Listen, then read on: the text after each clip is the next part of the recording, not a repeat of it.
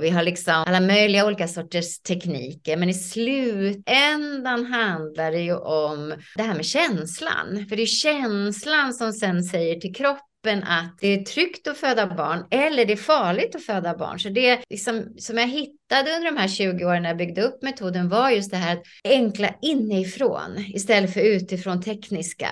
Eh, mm. Och det vi gör är bara att varenda känsla har redan ett färdigprogrammerat kroppsspråk. Och det är redan inne i din kropp. Så att det enda vi behöver göra är att hjälpa oss själva att fortsätta uttrycka uttrycket för trygghet i verkan. För att ge kroppen i alla fall mer information om det. Så alla de här fyra verktygen använder bara uttrycket och kroppsspråket för känslan trygghet som i sin tur aktiverar födandets fysiologi som är automatiserad. I love that. Den är liksom bara redo. Behöver inte bry dig hur det, hur det går till. Det bara sker för att det är automatiserat och redo. Bara vi trycker på rätt knapp.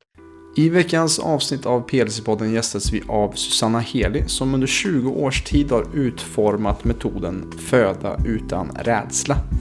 Någonting som hon själv nu utbildar på bred skala i Sverige till förstföderskor och folk som föder och även inom vården. Och i detta samtalet så pratar vi just om vad som är de vanligaste rädslorna kring att föda och vad man kan göra för att få en så bra och trygg födsel som det bara går. Vi snackar om de fyra verktygen som hon lär ut, främst andning, avspänning, använda rösten och tankens kraft. Och hon har också skrivit en bok på det här ämnet som heter just Föda utan rädsla som jag varmt kan rekommendera, även om du är man, att läsa. För att eh, kunna vara som stöd till din partner som kanske föder någon gång i framtiden. Och såklart för dig som är kvinna och som kanske ska föda igen eller som ska föda för första gången så kan jag varmt rekommendera den boken. Och vi dyker djupare in i just vad hela den här metoden innebär i det här samtalet. Och det var otroligt informativt och väldigt rikt på ny information för mig. Så detta kan också vara ett bra avsnitt att dela med sig till någon som du känner som kanske ska föda inom snar framtid för att hjälpa dem på deras resa helt enkelt.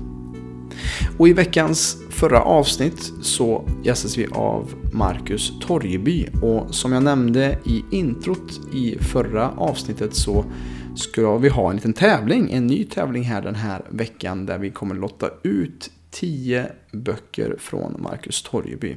Fem stycken av Sova ute och fem stycken av Löparens hjärta. Så i samband med den här söndagen som det här läggs ut ha en tävling på vår Instagram då helt enkelt. Där det enda du behöver göra för att vara med att delta är att gilla den bilden som läggs ut i samband med den här söndagen med tävlingen. Och att också följa Premium Lifestyle Club på Instagram. Så det är de enda två enkla stegen du kan göra för att få en kopia utlottad till dig från Marcus Torgby. Så gilla inlägget och följ oss på Instagram för din chans att lägga vantarna på en av de här tio böckerna som vi lottar ut. Lycka till med det och vinnarna avslöjar vi i nästa avsnitt av podden, alltså den 26 februari. Och i vanlig ordning så sponsras även det här avsnittet av pureness.se. Använd koden PLC-podden med 2D när du checkar ut i deras onlinebutik för att få 20% på hela deras fantastiska sortiment för att hjälpa dig till en ännu bättre hälsa. PLC-podden 20 vid checkout med 2D, så glöm inte bort det för att få 20%. Så eh, tycker jag att vi med det sagt kör igång med veckans avsnitt. Hej och välkommen till PLC-podden, podden som förändrar Sveriges syn på hälsa med mig Robin Hallsten. Idag gästas jag av Susanna Heli som jobbar med metoden Föda utan rädsla och jag sitter själv här med min bok som jag har faktiskt köpt och läst ut som jag har hittat väldigt mycket informativt eh, och, och, väldigt utbildande pedagogisk bok. Eh, och även jag som är man som inte kommer att föda i det här livet känner att det finns väldigt mycket att lära mig om och även ifall jag skulle bli pappa en, en i framtiden. Vi får se. Men, men varmt välkommen till eh, podden Susanna. Tack, jättekul att vara här. Och vad, hur um, skulle du beskriva mer det jobbet du gör? Du eh, har skrivit den här boken och jobbar med just den här metoden, Föd utan rädsla. Hur ser det ut liksom, på en vardaglig basis för dig med, med det här arbetet? Det har såklart varit en lång resa. Liksom, eh, det här med att skapa en metod för det första är en väldigt speciell liksom, eh, resa i sig. För att det är ju inte att du väljer så här, åh, jag ska skapa en metod, utan den skapas ju genom någon sorts process där du är i kommunikation med någonting. Det är svårt att beskriva och det här började egentligen 1996 när jag skulle föda första barnet liksom ledde till olika insikter i min egen förlossning som ledde till olika frågor som ledde till att jag började jobba på förlossningen och såg andra och så vidare. Liksom. Så att boken Föda utan rädsla tog lång tid att skriva och skapa i det här som du kallar pedagogiska formatet. Men innehållet är ju det jag jobbar med fortfarande, samma mm. innehåll som det var 1996. Som föreläsare, som författare, som affärskvinna, som dola, som sjukgymnast, eh, som medsyster. Det är massa olika roller man har när man jobbar med det här. Mm.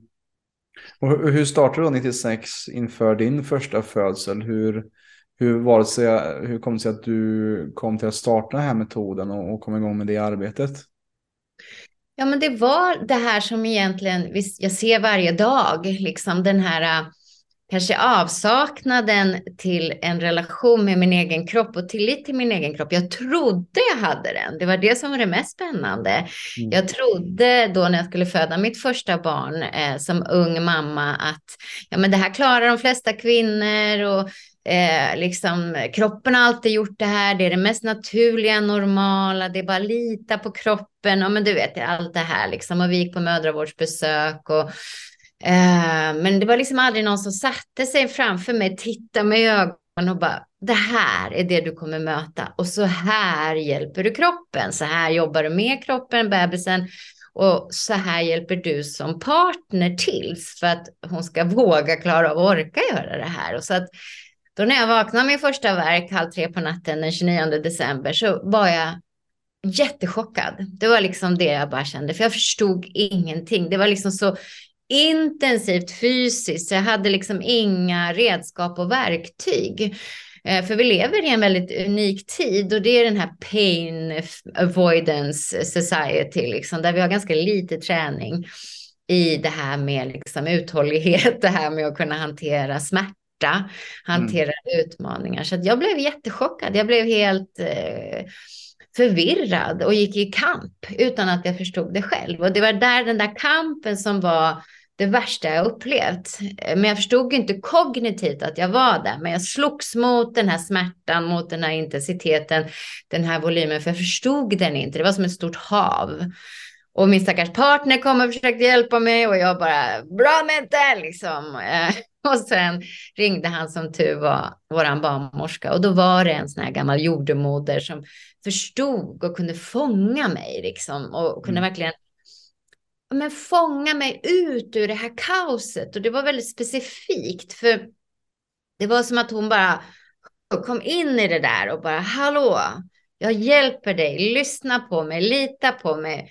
Men hon guidade mig när verkarna kom. Det var liksom det det jag minns starkast, fast det här är 26 år sedan nu, den här liksom, lyssna på mig, nu hjälper jag dig med andningen. Jag själv hade ingen aning om att jag andades jättekaotiskt. Eh, hon hjälpte mig att våga liksom slappna av ner i smärtan, för hon hjälpte mig att förstå att smärtan betyder min bebis, mitt barn, det är inget farligt.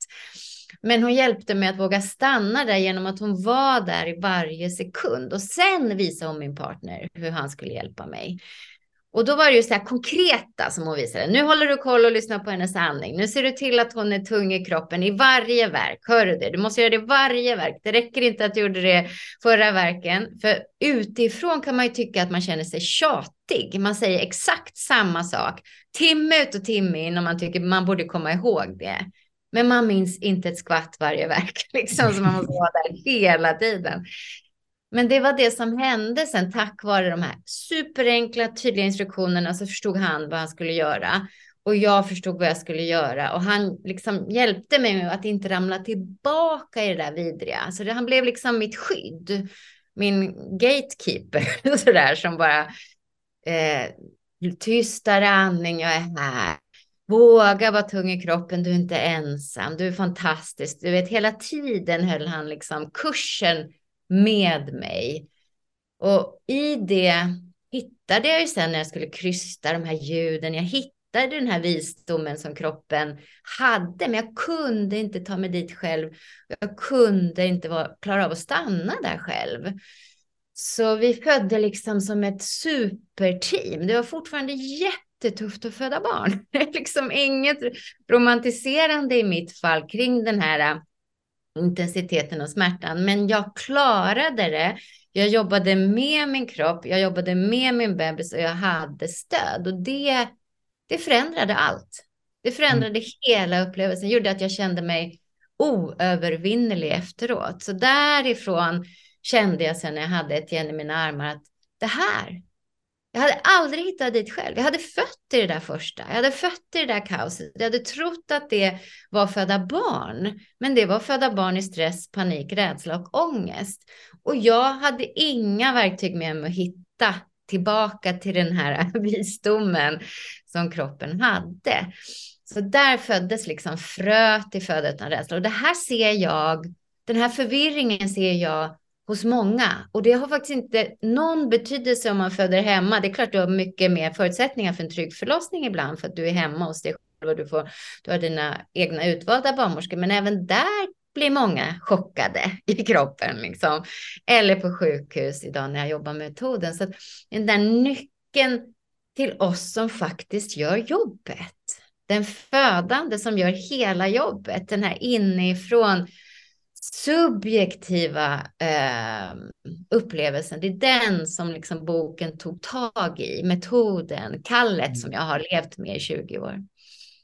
Ja, just det. Ja, för det, det är ju den här uh, urkraften som ni alla kvinnor besitter och, och som du säger, hur kan vi jobba med smärtan och inte mot smärtan. Som du säger också, Pain Avoidance Society, att vi lever i ett, i ett väldigt smärtavvikande samhälle där vi ser det på alla plan, att man försöker hitta quick fixes och det är exakt det vi håller på med PLC också. Vi ser ju vad, det, mm, vad som händer när man försöker quick fixes efter quick fixes. Och efter 20 år så kanske man hamnar hos oss för att man, man, inte, man har tagit för många snäva vägar mot sin hälsa. Och det ser vi också som du ser i just den här kring, kring födseln också.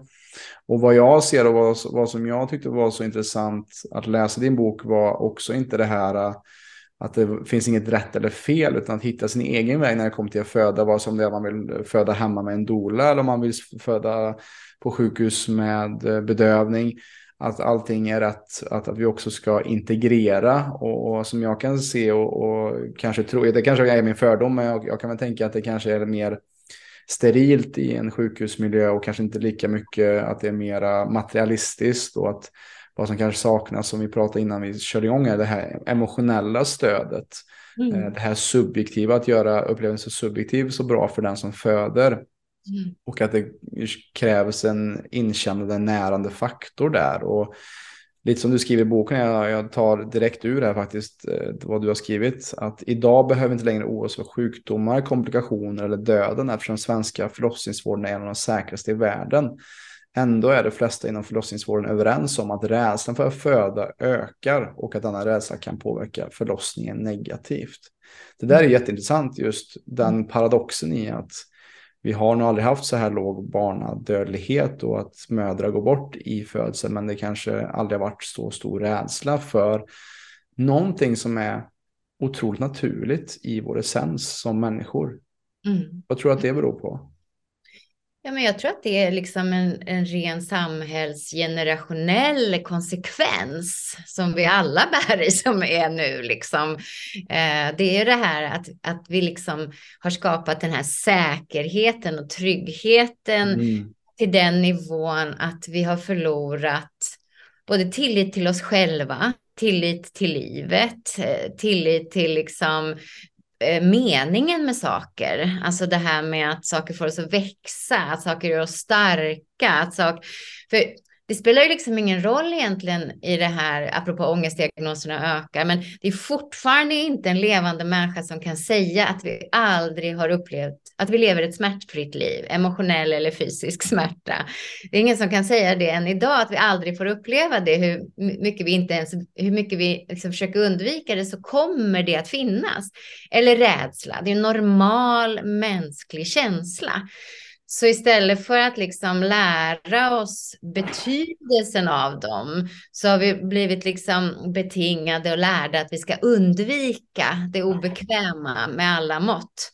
Och då blir liksom alla sensationer, allt jobbigt något jag inte vill känna.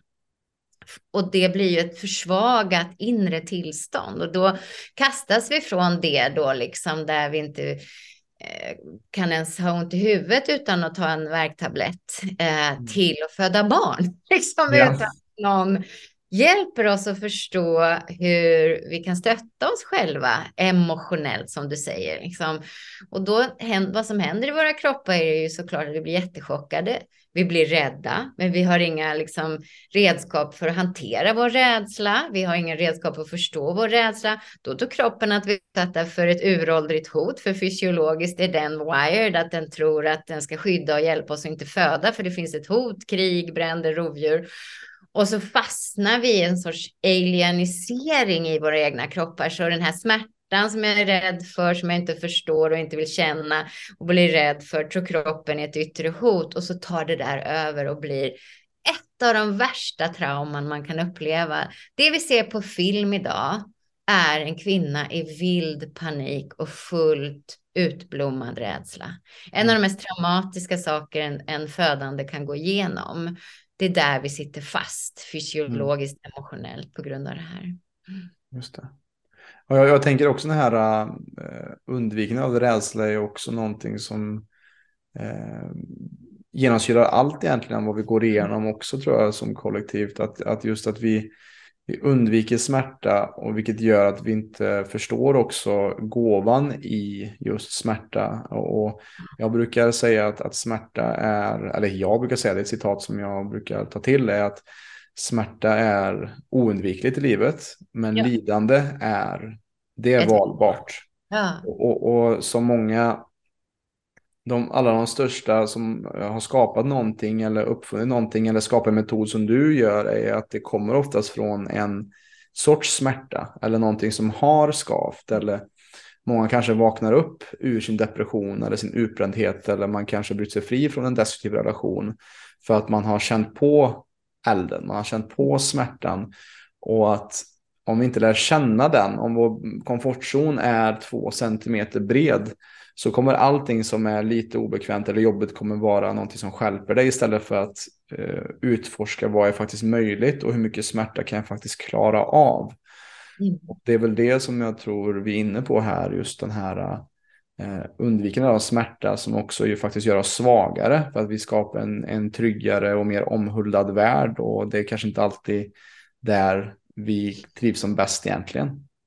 Och jag skulle vilja säga att den är inte så trygg. För många känner sig väldigt otrygga i det här liksom yttre kontrolltryggandet. Så ja. det är en inre trygghet. Och det, det är den som liksom metoden jobbar med hantering och det är därför det, boken också blir ett livsverktyg. Mm. För det är hanteringen av det som stärker oss och det som är den stora missuppfattningen idag är ju till exempel om vi återgår till födandet att en epidural i sig ger en, en mindre utmanande upplevelse eller en liksom bättre upplevelse till och med för att du inte behöver känna smärtan och det vet vi från forskningen till och med att det finns inget samband med en epidural och en bra upplevelse. Det betyder inte att man inte får ta sin epidural.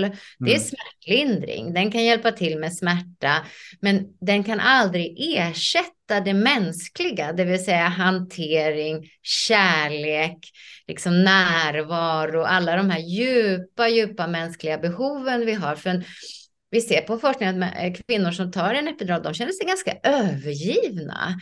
Mm. Liksom partner går och lägger sig, personalen går ut ur rummet, det är liksom eh, utmaningen upplevs att den har minskat, den födande känner sig ganska nöjd med att inte känna någonting, liksom så mm. eller så mycket. Men problemet är som man inte pratar om är att även där finns massa utmaningar kvar. Det vill säga det kommer komma ett tryck när bebisen tränger ner. Det pratar ingen om hur vi ska hantera det. Det ska fortfarande födas fram en bebis. Du är fortfarande ett förlossningsarbete. Du ska fortfarande stötta, hjälpa, guida kroppen och hur hanterar vi trycket? Så att vi vet från forskning att många trots bedövning upplever jättestora trauman. Så det är bara det jag är ute efter. Den är bara bedövning, utan mm. det är de här livsverktygen vi behöver oavsett yttre omständigheter av själva förlossningens yttre skal, alltså hur det går, vad jag har för bedövning eller inte, så är det den här kärnan som vi pratar om. Hur hanterar jag det här och vad har jag för stöd för att orka klara av att härbärgera den här identiteten så att jag kan gå igenom den och där kommer meningen. Där kommer den här magin oavsett hur jag har fött. Där skapas meningen, där sammansmälter allting. Det är där det där sker som är det mänskliga i varför det finns utmaningar som du säger, varför vi behöver gå dit, varför vi behöver stöd, det är för att vi växer. Det är det mm. vi gör där. Ja, exakt. Och, och, det är det som du är inne på, alltså magi, kärlek, närvaro. Det är inga ja parametrar du kan vetenskapligt mäta. Alltså nu ska vi ge dig 50% närvaro här. Ja, vi får öka mm. närvaron till 75%. Och det är väl det som är så viktigt kan jag tänka mig för en kvinna subjektivt att känna sig trygg och känna sig hållen och stöttad är just de två sakerna, just kärlek och närvaro och att ha någon som betryggar en att jag har varit med om det här förut och jag kommer leda dig igenom det här precis som så många gånger tidigare. Bara att kroppen har valt kärlekshormonet som vårt förlossningshormon under mm. 40 000 år av evolution säger allt tycker jag. Liksom. Att det är oxytocinet som är det parasympatiska hormonet som är där vi vilar, är nära, där vi har våra relationer och kärleksrelationer. Eh, det är där allt liksom läkande och hälsosamt sker i den delen av nervsystemet med hjälp av oxytocinet som också driver verkarna. Så det är så tydligt att planen är att vi ska föda när vi känner oss trygga och mm. att vi ska ha tryggande faktorer såsom människor, kärlek, närhet, miljö, allt det här som är oxytocinbefrämjande om man ska använda lite mer sådana begrepp liksom. Mm. Att det är det hormonet. Men, men, men det är så lite Eh, kunskap vi har om det egentligen och, och, många kan tycka och tänka vad de vill men i slutändan när det verkligen smackar till och vi blir sårbara, behövande, är i kris då är vi alla människor. Det är så. Precis. Jag tänker att vi ska gå in på det alldeles strax, tänker jag, vad, vad som gör och skapar en trygg födsel enligt dig. Men innan det så vill jag, innan vi lämnar just eh, det ämnet som vi är inne på, så vill jag också höra vad, vad är det vanligaste rädslan du ser och möter på kring förstföderskor eller folk som ska föda? Mm. Men jag skulle säga att när man ställer den frågan, det kommer lite olika saker beroende på vart man befinner sig. Och den vanligaste rädslan är väl både det här med kontrollförlust, att jag förlorar kontroll. För att det är ju det som är läskigt med födandet, att man begriper det inte. Man vet att man ska in i något väldigt intensivt som har mycket smärta du vet, det var en väldigt stor plats och det är som bara som ett stort hav av någon obegriplig fysisk smärta, fast det egentligen finns en jätte jättetydlig plan kroppen har gjort med det här och att den här begripligheten är så viktig. Så kontrollförlust, smärta, brista, eh, får jag ens föda i Stockholm så som vi har det idag? Jag är inte stolt över svensk förlossningsvård just nu. Lider tillsammans med alla kollegor och de som jobbar med vart vi är på väg, den här enorma stressen som idag finns och personalbristen och ja, vad det har gått under de här 20 åren som jag har jobbat. Det, jag står inte för det längre. Liksom så. Mm. Jag, det behövs stora radikala förändringar i svensk förlossningsvård för att stötta upp de barnmorskor som har lämnat, som vi behöver mer än någonsin. Liksom. Ja. Mm, så det är både och. Tillitsbrist mot personal finns också idag. Alltså, alla de faktorerna så tycker jag smärtan också såklart. Ja, just det. Ja, det, det är ju tråkigt att höra att det är, att det är på det sättet i, idag. Att, att till och med att det är en rädsla kring eh, kan jag ens föda eller kommer det finnas plats för mig och, ja, och resurser det. Det ska, det ska inte ens finnas den frågan. Det är min Nej. absoluta åsikt.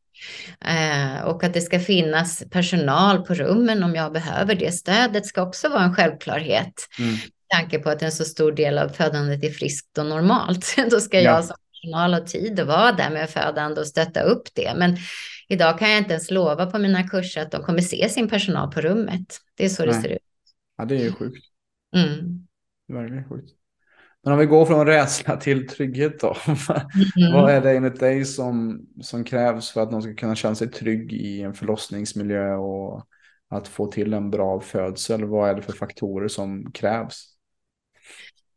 Ja, trygghet är ju igen en inre känsla. Det är ju en känsla vi är ute efter. Det är den känslan som sen talar om för kroppens fysiologi att nu kan vi öppna upp det här. Nu kan vi tillåta det här. Nu kan jag liksom våga tillåta det här. Så att jag skulle verkligen säga att man lägger mer fokus på att liksom odla och nära och nurture den här inre känslan av trygghet i sig själv. För att du, kan skapa det vart du än föder. Det är det som är det vackra egentligen. Du kan skapa i den mest liksom, medikaliserade miljön. För att bara genom att sluta sina ögon, släcka lamporna och ha någon som håller om en kommer man att känna sig tryggare. Det är, liksom, mm.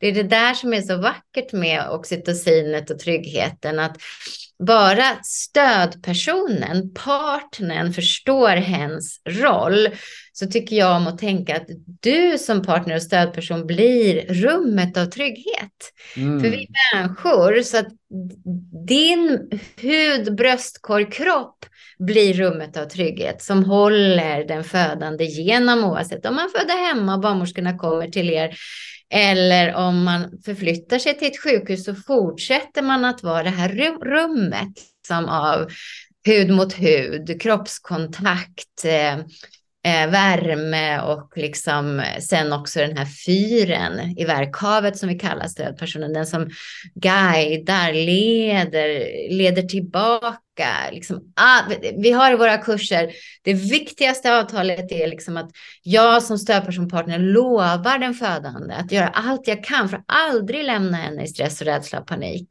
För det är kärlek, det är respekt. Inte att rädda någon ifrån det här och tro att man ska pumpa henne full med bedömningar som en lösning, utan att hjälpa henne igenom det här. Det är liksom det som är kärlek i en mm. förlossning. Och då ger vi de här väldigt tydliga eh, konkreta liksom, stödguidningen. Hur gör man det här jobbet? Så jag skulle säga att liksom ha både en och två och tre om man vill stödpersoner eh, med sig. Eh, oavsett om man lever i en kärleksrelation eller inte. Och bygga tryggheten i sin egen inre känsla och tillsammans med sin stödperson så man blir det här teamet. Ja, just det. Och, vad kan man göra då som, eh, som kvinna innan man går in i förlossning eh, för att få för att skapa här tryggheten på ett inre plan som du säger att det behöver inte vara platsen i sig utan att man har någon man älskar eller personer runt omkring en som stöttar en och håller att det kan bli rummet.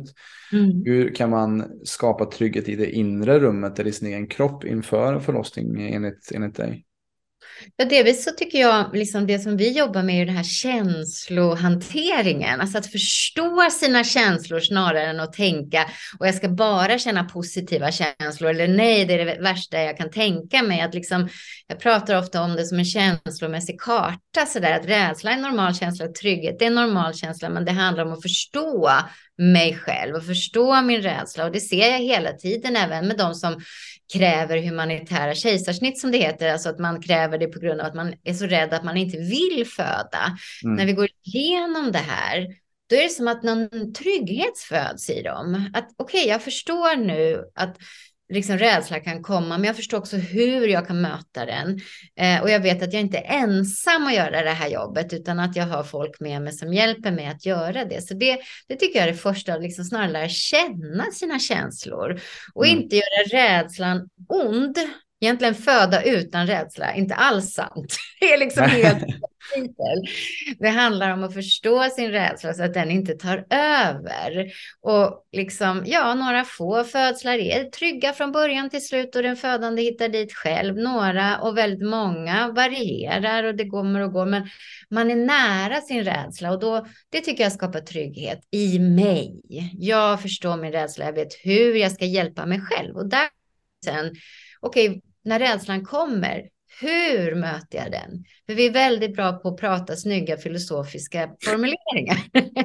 Men det hjälper inte så mycket när man är där i den här stormen och verken. Man behöver det där hands-on, tydliga, konkreta hanteringen. Och det är där våra verktyg kommer in som är så enkla liksom så otekniska men ändå så kraftfulla för de triggar fysiologin i kroppen som är kopplad till trygghet. Ja. Så det är så jag öppnar upp det. Men låt oss prata om de fyra verktygen då, som jag förstår är andningen, det är avspänning, det är rösten och tankens kraft. Mm. Kan vi gå in på dem lite var för sig kanske och börja i den andningen av andningen då kanske. Just de här mm. mer konkreta verktygen som finns i den här boken som jag rekommenderar alla som ska föda eller ska föda igen att, att verkligen faktiskt läsa för att det finns så otroligt mycket resurser i den är ju faktiskt inte så lång, alltså det är ju 150 sidor någonting, men, men det finns otroligt mycket övningar och saker, prak, just praktiska saker och inte så, också lite filosofi som du säger också, men också praktiska saker som du som lyssnar på det här kan också ta med dig ifrån den här boken. Men ja, vi kommer tillbaka till verktygen. Mm. Ja, men precis. För mig är praktiken och huret det som är viktigt, för det är mm. det som kommer att ha betydelse. Man behöver inte ha läst boken, hört om det här. Om någon bara hjälper en att använda de här fyra verktygen i verkarna under sin förlossning kommer de ha effekt. Det är det jag älskar med dem. Så vad vi liksom har gjort med hela metoden är också att, att mycket av det här med, med rädsla och liksom den här resan handlar ju också om att våga tillåta, mm. våga låta det ske, det här som är jobbigt. Och då tenderar vi ofta liksom att göra saker väldigt komplicerade tekniskt. Många tänker andning och föda barn är så viktigt. Liksom. Vi har massa sådana här konstiga gamla betingningar. Andas och profylax är ihopkopplat. Och andas, men andas gör vi, annars dör vi. Så det är liksom inte så viktigt som vi tror egentligen. Att andas är viktigt, absolut. Mm. Men det här med tekniker och vi har liksom alla möjliga olika sorters tekniker. Men i slutändan handlar det ju om eh, det här med känslan. För det är känslan som sen säger till kroppen att det är tryggt att föda barn eller det är farligt att föda barn. Så det liksom, som jag hittade under de här 20 åren när jag byggde upp metoden var just det här att enkla inifrån istället för utifrån tekniska. Eh, mm. Och det vi gör är bara att varenda känsla har redan ett färdigprogrammerat kroppsspråk. Och det är redan inne i din kropp. Så att det enda vi behöver göra är att hjälpa oss själva att fortsätta uttrycka uttrycket för trygghet i verkan. För att ge kroppen i alla fall mer information om det. Så alla de här fyra verktygen använder bara uttrycket och kroppsspråket för känslan trygghet som i sin tur aktiverar födandets fysiologi som är automatiserad. I love that. Den är liksom bara redo. Behöver inte bry dig hur det, hur det går till. Det bara sker för att det är automatiserat och redo. Bara vi trycker på rätt knapp. Mm. Så andningen använder den här andningen du och jag har nu i den här intervjun. Eller om det är någon som lyssnar och kanske ligger ner eller sitter skönt i någon soffa eh, den här lugna trygghetsandningen, den här varje dag eh, vanliga andningen som vi har när vi inte är rädda. Den är helt okomplicerad, men den har full koll. Den är liksom väldigt, väldigt djupt förankrad i emotionen. Så den enda faktorn andningen fokuserar på är nämligen eh, hur det låter. Så till exempel när vi är rädda hur vet vi det genom andetaget? Hur vet vi att en människa är rädd genom andetaget? Jo, den hörs. Det är hyperventilation eller forcerad djup andning. Det är det här som är liksom uttrycket för rädsla. Hur vet vi att en människa är trygg? Jo, det är helt tyst och mjuk andning. Mm. Helt oviktigt hur vi andas, för du är fenomenal på att andas. Du har ett andningscentrum i hjärnan som sköter det här hela dagarna åt oss. Men den enda faktorn kroppen tar fasta på är att det är tyst och mjukt. Och du andas på ett sätt, jag andas på ett annat sätt, någon genom näsan, någon genom munnen det, det, och någon ytligt, någon djupt. Helt oviktigt. Vi är fenomenala på att syresätta oss, tack och lov. det är liksom mm. det. Så ljudlösheten är det vi tar tag i, i verkarna, för att hjälpa oss själva med den emotionella utmaningen. Anledningen varför vi andas så där är ju rädsla. När den här intensiteten slår till, när den här kraften kommer in, chocken, då svarar vi med det är inte liksom syret i sig vi är ute efter, utan det är den här emotionella responsen på utmaningen som vi uttrycker genom andningen. Och då hjälper vi oss själva att liksom våga fortsätta andas ljudlöst så gott det går. Jag har inget om det finns något litet ljud. Och vi runt omkring, du som är partner, den som är liksom stödperson, påminner. Våga andas helt ljudlöst. Mm. Våga andas helt tyst. Alltså, det är det enda vi gör. Resten sköter kropp, hormoner, fysiologi, bebis, livmoder. Alla pular på där med sina grejer. Mm. Så det, mm. det, det, är den enda faktorn vi tar fasta på. Less is more. För det också som händer då är att vi triggar istället för kontroll som alla tekniker kommer kognitivt att Oavsett om det är yogaandning, om det är någon avancerad teknik, hypno, alltså kommer de trigga kontroll, vilket kan funka som coping. Men det finns också en negativ faktor i kontroll, det vill säga att parasympaticus handlar mycket om att släppa kontrollen. Exakt. Släppa att du inte vet vad som kommer göra. Och då, den här andningen har det inbyggt i sig eftersom det är en trygghets lugn och ro-andningen i sig. Så vi triggar istället den sidan istället för kontrollsidan. Ja, tillåta, att, tillåta flöde helt enkelt. Att tillåta saker att, att flöda ur oss också. Eller, ja, det, det här apropå, jag tänkte på det, jag gick en promenad här på morgonen, så tänkte jag verkligen på det här med, liksom, man kan inte bara stå bredvid en födande och säga så här, släpp taget. liksom, nu får man en smock. Det är liksom inte så, det är liksom igen de här filosofiska, men hur kommer vi till surrendering? Hur kommer vi till flow i mm. födandet, för det är ett speciellt tillstånd. Och det är det tillståndet som vi är ute efter. Så det kommer vi till genom att liksom få mycket av de här faktorerna av kärlek, hålla, eh, enkelhet. Och så kan vi behöva ta till kontroll ibland, för det är inget negativt, för det hjälper oss att hantera. Och sen vågar vi släppa kontrollen ett tag. Så vi pratar mycket i metoden om att ta ett aktivt beslut att släppa kontrollen genom att slappna av till exempel bara rakt ner i verken. Och då ja. skapar vi positiv kontroll istället. Så det är som du säger, hur tillåter man? Hur liksom följer man med de här vågorna? Så att vi pratar mycket om låt vågen, verkvågen ta dig i land genom att du gör ingenting. Mm. Så du aktivt gör ingenting. Det är det svåraste, så att säga. Hej allihopa! Jonas här. Då jag vet att många i samhället upplever utmaningar kring sin hälsa men inte riktigt fått hjälpen de behöver så har jag lagt upp ett kostnadsfritt webbinar för dig som inte är medlem.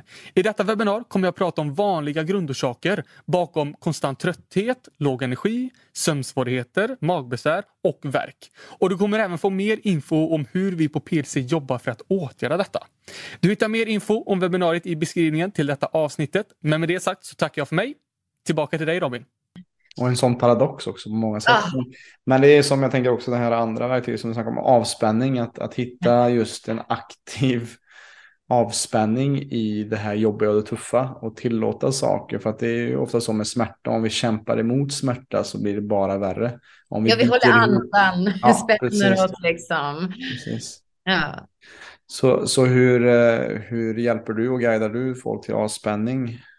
Ja, det som är så fint med, med fysiologin och kroppen är att allt hänger ihop. Så redan när vi har hittat till den ljudlösa andningen och verkligen vågat liksom utforska den, att vi klarade det, då har ju redan musklerna följt med. Det är ju det som är så fantastiskt. Så då fördjupar vi bara kapituleringen ner i verken. För livmodern och bebisen jobbar ju neråt, så verkarna jobbar ju neråt i kroppen. Så egentligen handlar ju det då om att ta bort motståndet i musklerna. Mm. Eh, för igen det här, ha minsta möjliga motstånd mot förlossningen. Igen, supersnyggt filosofiskt, men du kan bara inte gå in i ett rum och säga de sakerna. Liksom. Så det är mycket av de här grejerna, utan då fokuserar vi på, det finns redan sedan tusentals år färdiga stationer för rädslan i muskelgrupperna. De har redan sina bon där rädsla bor. I pannan, i käken som är kopplad med bäckenbotten, i axlarna och i födandet är det ju liksom även rump djupa bäckenbottenlåren, alltså där dörren till bebisen är. Så då liksom går vi in på de här fyra konkreta stationerna. Vi säger inte bara slappna av, utan vi hjälper den födande att verkligen förstå, slappna av i pannan. Släpp ner käken bäcken, för då slappnar bäckenbotten av och släpper fram. Mm. Låt axlarna bli tunga, var tung i rumpan och låren. Och vi pratar inte om rumpan hela dagarna, men i födandet är det jätteviktigt. Mm. För där ligger tre lager av gluteusmuskler och kan hålla emot det, ja. bebisen. Så att, men, och det är det här tydliga, konkreta vi behöver. Att förstå att det är just i rumpan jag behöver slappna av för att bebis ska få hjälp. Och när en födande förstår, Genom att jag vågar slappna av med de här fyra muskelgrupperna hjälper jag mitt barn. Jag hjälper mitt barn genom att våga slappna av. Och jag får massa hjälp att göra det. Så att där sker igen den här äh, fantastiska liksom samarbetet. Att jag hjälper kroppen genom att våga slappna av i panna, käke, axlar och rumpa och lår där rädslan bor. Så jag säger till kroppen, det är tryggt, det är tryggt, det är tryggt varje gång jag vågar göra det. Mm. Ja, den här tilliten är ju så, kan jag tänka mig också, är så otroligt svår att lita på också när man är mitt i, när man är mitt i den här värsta smärtan av ens liv och man verkligen, man är ju att man delas i, i tu som kvinna. Ja. Alltså det, det, det, är ju verkligen ja. så. Att kunna ha tillit och hitta avspänning måste ju, som du säger, att det en sak att säga det inför en förlossning. Ja, men det är bara att slappna av så kommer det gå bra. men... Ja, men gud, det är så provocerande så det finns inte. Och det är inte mm. ens att alltid man klarar av att lita på kroppen. Så det är så hög volym. Kroppen är fullt förberedd. Det vore ju korkat av kroppen att skapa något under 40 000 år vi inte klarar av. Mm. Men för mig som födande är det inget konstigt alls att jag inte förstår och litar på det. För jag har inte gjort det i 40 000 år. Jag är ju liksom, det är första gången jag gör det. Mm. Så det är därför det här med stödet blir så viktigt. Så när du inte är ensam, många känner sig väldigt ensamma på förlossningsrummet för partner sitter där borta i en fåtölj och många killar säger eller partners att ja, men det var inte så mycket jag kunde göra och jag var väl där. Men egentligen är det hur mycket som helst man kan göra för där lägger du tilliten. Du mm. kanske inte litar på din kropp, men du har din stödperson med dig och du litar på henne. Så då får vi den här förlängda tilliten att någon håller mig, någon bär mig, någon lämnar mig aldrig ensam i det här. Och då liksom lägger vi bara tilliten på en annan plats, men du får samma effekt. Ja. Det är så vi jobbar mycket. Ja, men det är otroligt eh, viktigt tror jag som partner att höra att det finns så mm. mycket vi kan göra för den som föder. Att, eh, och inte bara sitta och vara passiv utan se hur kan jag get involved här, hur kan jag samarbeta och hjälpa till och, och, få det här att bli så smärtfritt som möjligt. Eller smärtfritt kan det inte kanske bli, men hur kan jag underlätta? Positivt och stärkande. Och grejen med oxytocin är ju också att hormonet som sköter hela verkarbetet är också smärtlindrande. Mm. Så därför tryggheten är viktig. Men att säga att du ska få mindre smärta blir ju liksom kontraindikationer som kroppen måste jobba hårdare. Mm, så det mm. måste bli starkare. Men om du jämför med liksom där du är och har rädsla, då kommer smärtan upplevas jättevass eh, negativ och hotfull. Medan på samma ställe med mycket kärlek och oxytocin, då får du en annan upplevelse av det här intensiva. Så det, det är smärtlindrande att liksom få mycket stöd, kärlek, beröring, verktyg under en förlossning. Men däremot kommer det bli kraftfullare eftersom kroppen måste jobba starkare. Så det är den man måste bara förstå där, precis som du säger, liksom att det är det man påminner om, det är det man blir. Jag brukar kalla stödpersonen just oxytocinkranen. Det är du som Jaha. är kranen. Så gå inte någonstans, gå inte och lägg dig i något annat rum, gå inte och sätt dig på någon fåtölj. Liksom. Ja. Det är du som är hela kranen. Liksom. Ja, precis. Ja, men viktigt. Ja, viktigt att höra, att, att, att veta att man, man kan göra så mycket och bara vara där. Att, att mm. det behöver inte göra så mycket kanske, utan bara vara.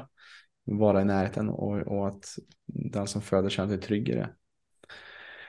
Men om, om, vi går vidare med de här verktygen då. Du, du mm. har ju mm. också rösten som var lite, det var en, en, en ny grej för mig. Eller det kan jag förstå också ihop med andetaget och mm. jag som har på med en del med yoga och den biten just med att det kan vara läkande också att, uh, att humma ljuda. eller att uh, ljuda.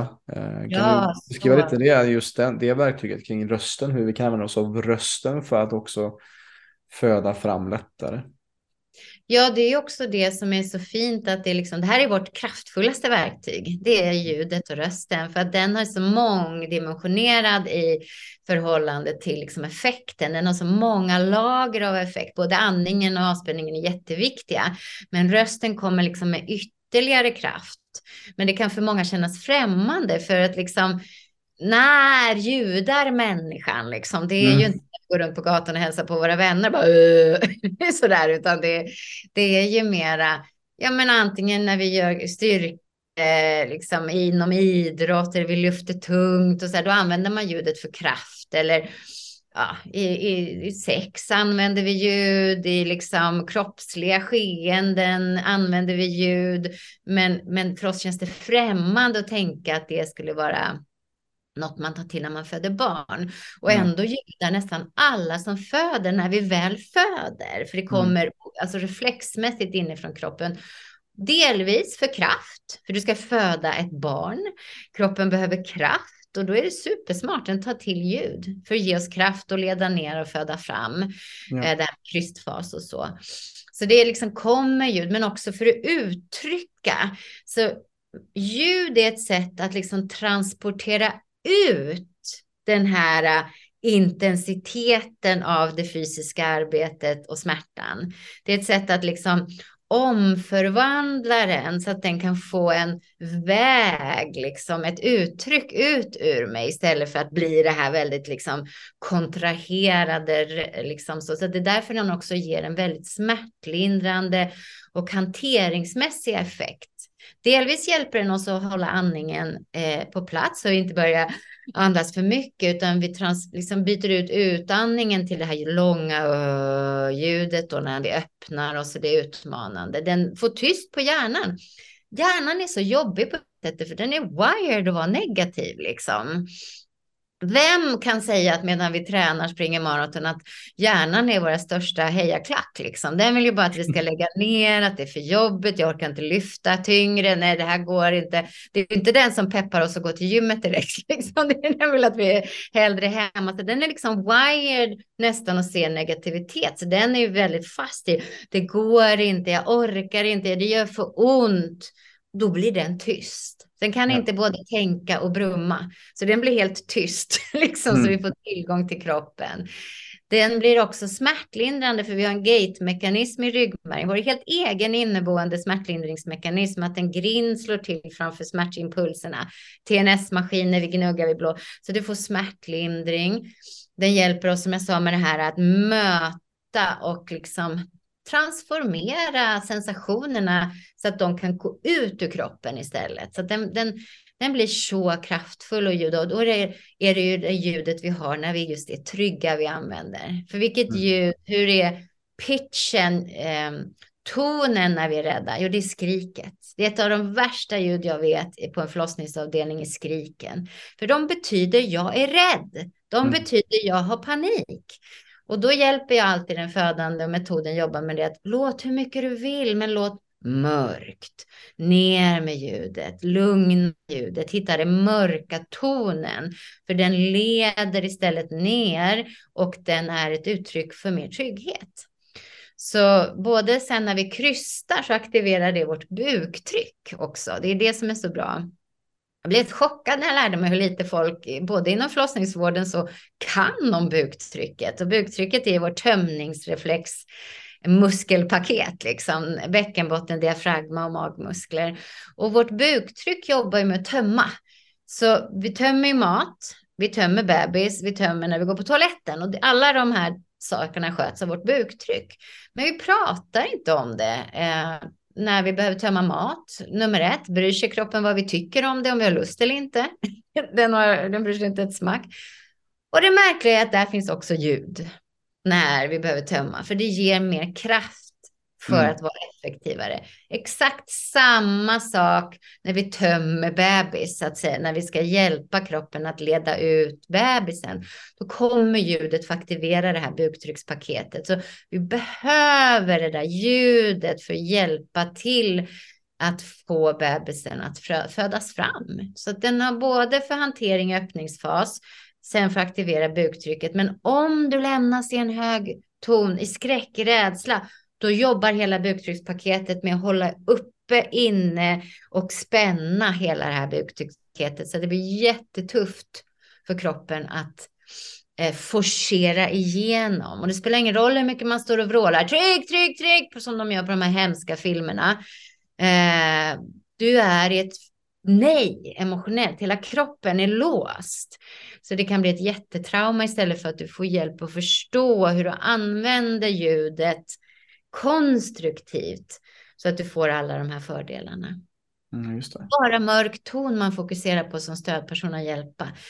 Så du låter med din födande, du låter tillsammans med när du hjälper den födande, liksom låta med mörk ton genom att du guidar henne dit genom att göra den tillsammans med henne.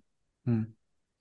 Ja, för, för mig, min del så tänker jag också mycket på den här långa utandningen också. Och mm. eh, tänker också på när jag guidar också andra klienter som kanske har svårt med att man är spänd kring, kring yeah. eh, käkar, axlar, höfter. Att just det här långa utsuckningen eller utpustningen och verkligen hitta ner i bukbotten eh, eller bäckenbotten ja. är så otroligt viktigt för att kunna släppa för att vi håller på så mycket spänningar och också att det sympatiska nervsystemet är mer kopplat till inandning och det långa utandningen är ju väldigt bra för det parasympatiska nervsystemet. Ja. Det här är också lite undrande för du sa ju tidigare att, att eh, eh, andas lugnt och tyst. Men, men här när vi kommer in i själva förlossningsfasen, kanske längre in, så då kommer vi också in i mer att ljuda ut antar jag, eller hur? Ja, det är jätte, jätteviktigt det du tar upp, för det är som, den frågan får vi ganska ofta, men man skulle ju inte låta om nu ska man ja, låta. Precis. och då är det viktigt att skilja på att det ena är andetaget låter. Mm. Och det andra är att ljuda, och ljuda kommer ju från stämbanden på mm. utandningen. Så när jag sjunger, låter, ljudar, brummar, mantrar, då är det ju på utandningen genom mina stämband, genom liksom resonansen, mm. inte andetaget. Så det, det är helt två olika ljud. Det ena ljudet är ju det här ljudet vill vi inte ha och det andra är ju ett så att utandningen blir mjuk och lugn istället. Så det här mm. mörka ljudet vill vi ha. Det är tonen. Ljudet på andetaget vill vi undvika i största möjliga mån. Mm. Att ljuda kan man göra från första verken om man vill för att det hjälper med att hålla kvar utandningen och få hjälp av liksom resonansen, kraften, stämbanden. Det är liksom ett helt annat sorts ljud. Just det. Ja, men det är jättebra att vi förtydligar det tror jag för någon som mm. lyssnar också för att jag mm. blir också mm, intressant här. Men, men eh, något som jag tycker också är så intressant med det fjärde verktyget är ju som varit inne på just det här. Vi har varit inne på det mer den subjektiva upplevelsen och mm. den, den sista är ju tankens kraft, vilket jag tycker är intressant att du har med för att märker jag ju själv också i mitt liv oavsett vad det är. Att uh, tänka att jag kan klara någonting så är det oftast uh, så att jag kan klara det och tänka att jag inte kan så är det också sant oftast. Precis, så att, så att berätta lite om, om just det här, för det här har också kanske mer med subjektiv upplevelse att göra, just tankens kraft och vad man kan tänka eller hur man kan använda tanken. Som du var inne på att vår hjärna är oftast, uh, den är oftast negativ mot oss, men hur kan vi använda den till vår fördel när det kommer till att föda? Ja, men precis. Och det är också tanken är ju, alltså våra stora fina hjärnor kan verkligen vara våra bästa vänner eller mm. våra största fiender. Och som du säger i livet är det här väldigt tydligt, liksom, hur, hur vi får verkligen jobba med vår inre dialog, våra inre tankar. Och då gäller ju det födandet också, för vi är inte bara evolution, vi är inte bara kropp, liksom den här fysiologin eller oxytocin, alla de här fysiologiskt snygga orden igen, liksom, utan vi är mm. människa igen. Vi är tillbaka till den här människan så, och då behöver vi ha med våra tankar, för de påverkar även det fysiologiska. Så det vi brukar prata om, det här verktyget får många gånger bära flumstämpeln liksom. Mm jag är ganska flummig själv så jag har inget problem med det personligen. det är jag med. Så att det, ja, nej, men, men många har ju, det finns ju den här liksom, ja men du vet polariteten i den här världen. Jag, jag är ju märklig på det sättet att jag älskar naturvetenskap och energier samtidigt. Mm. Och jag vägrar att välja. jag tycker livet blir så mycket roligare. Ja. Uh, och jag tycker autonoma nervsystemet är lika spännande som energier är. Liksom så. Så att det, det, det, är så jag lever. Så att där behöver vi förstå att det är inte ett flum kring tankens kraft. Ehm, det är jätteviktigt. Delvis om man bara ser på det vetenskapligt så positiv förväntan har en, en liksom direkt vetenskaplig effekt som heter placebo som alla känner till. Mm. Placeboeffekten är att om jag tror på det jag gör påverkas fysiologin i kroppen, läkningen, resultatet positivt så att säga. Eh, så placebo känner alla till och den är så stark att ingenting inom läkemedelsindustrin ens en gång liksom, eh, får komma ut utan att vi kan visa att det är starkare än vad vi själva är. Apropå att först aktivera ja. vår egen kraft innan vi ens funderar på läkemedel. Liksom. Eh, men nocebo har inte alla hört talas om. Det är negativ förväntanseffekt, också vetenskapligt evidensbaserat.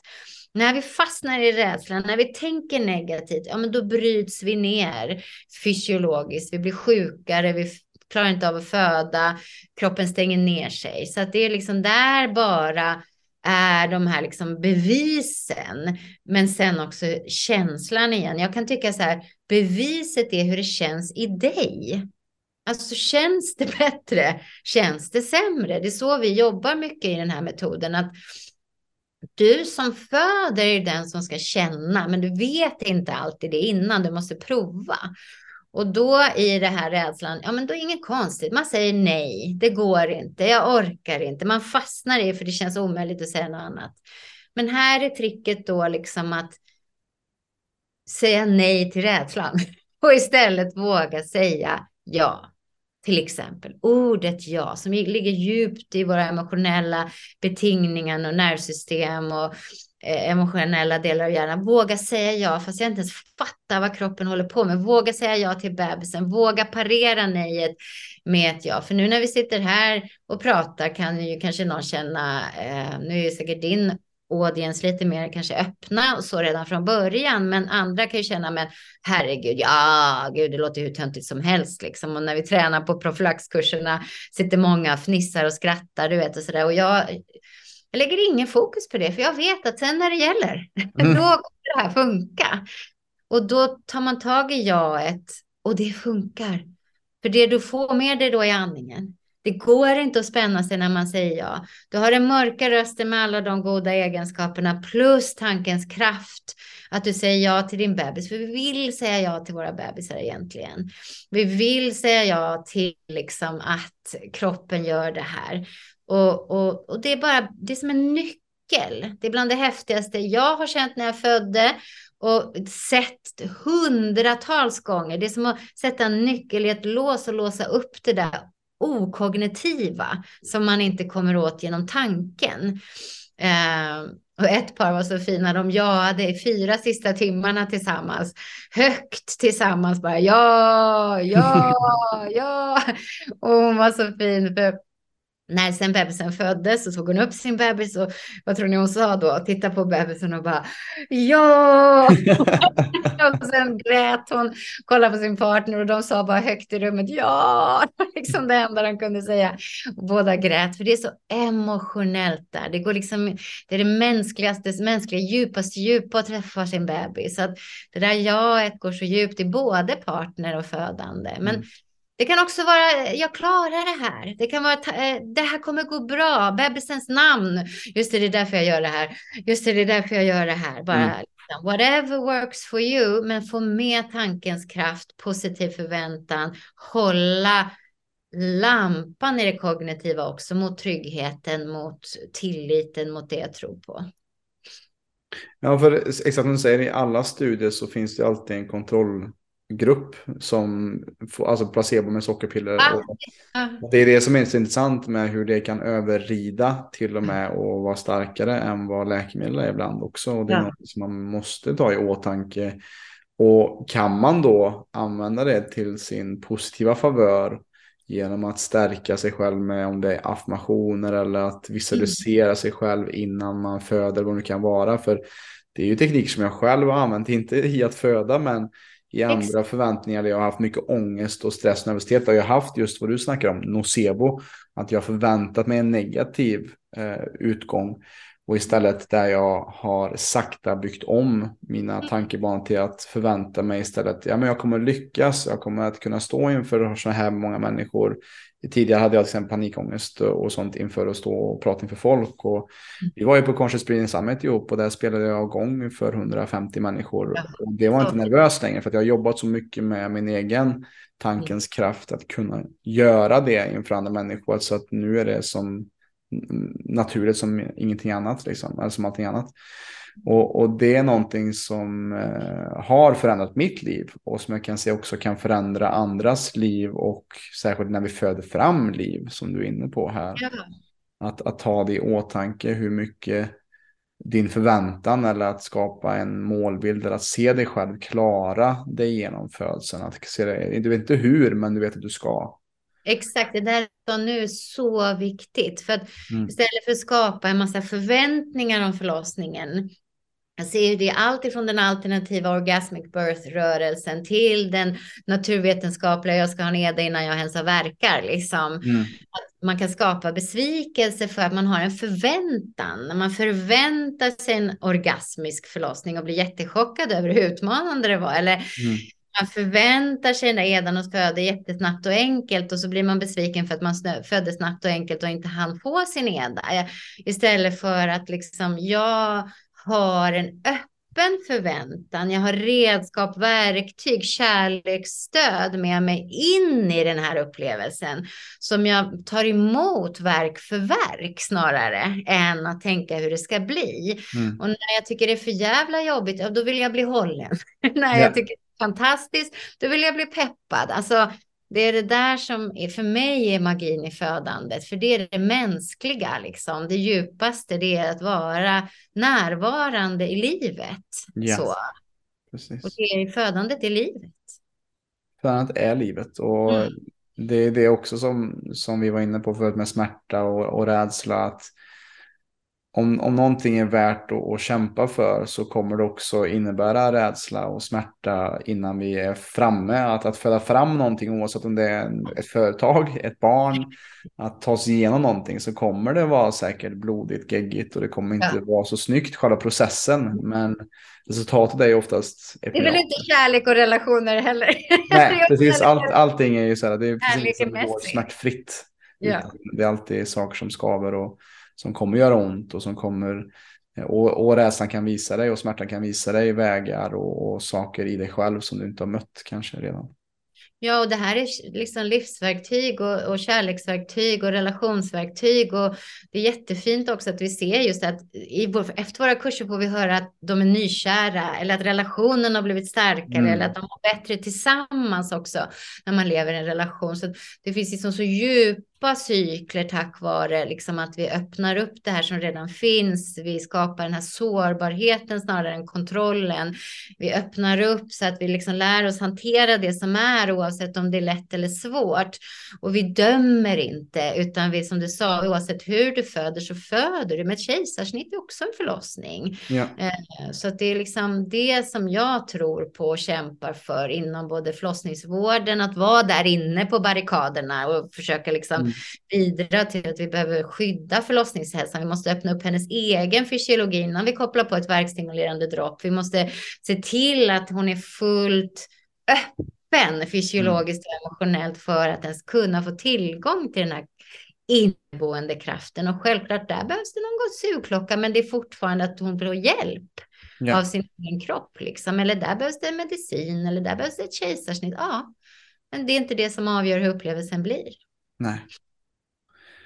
Och, och på tal om att stå på barrikaderna, Susanna, det känns som att du har gjort det i 20-25 år med mm. det här arbetet. Och min, min sista avrundande fråga här för idag är hur kan vi förändra synen på födsel och i, på den, för att det är det som vi vill göra med den här podden är ju att förändra Sveriges syn på hälsa.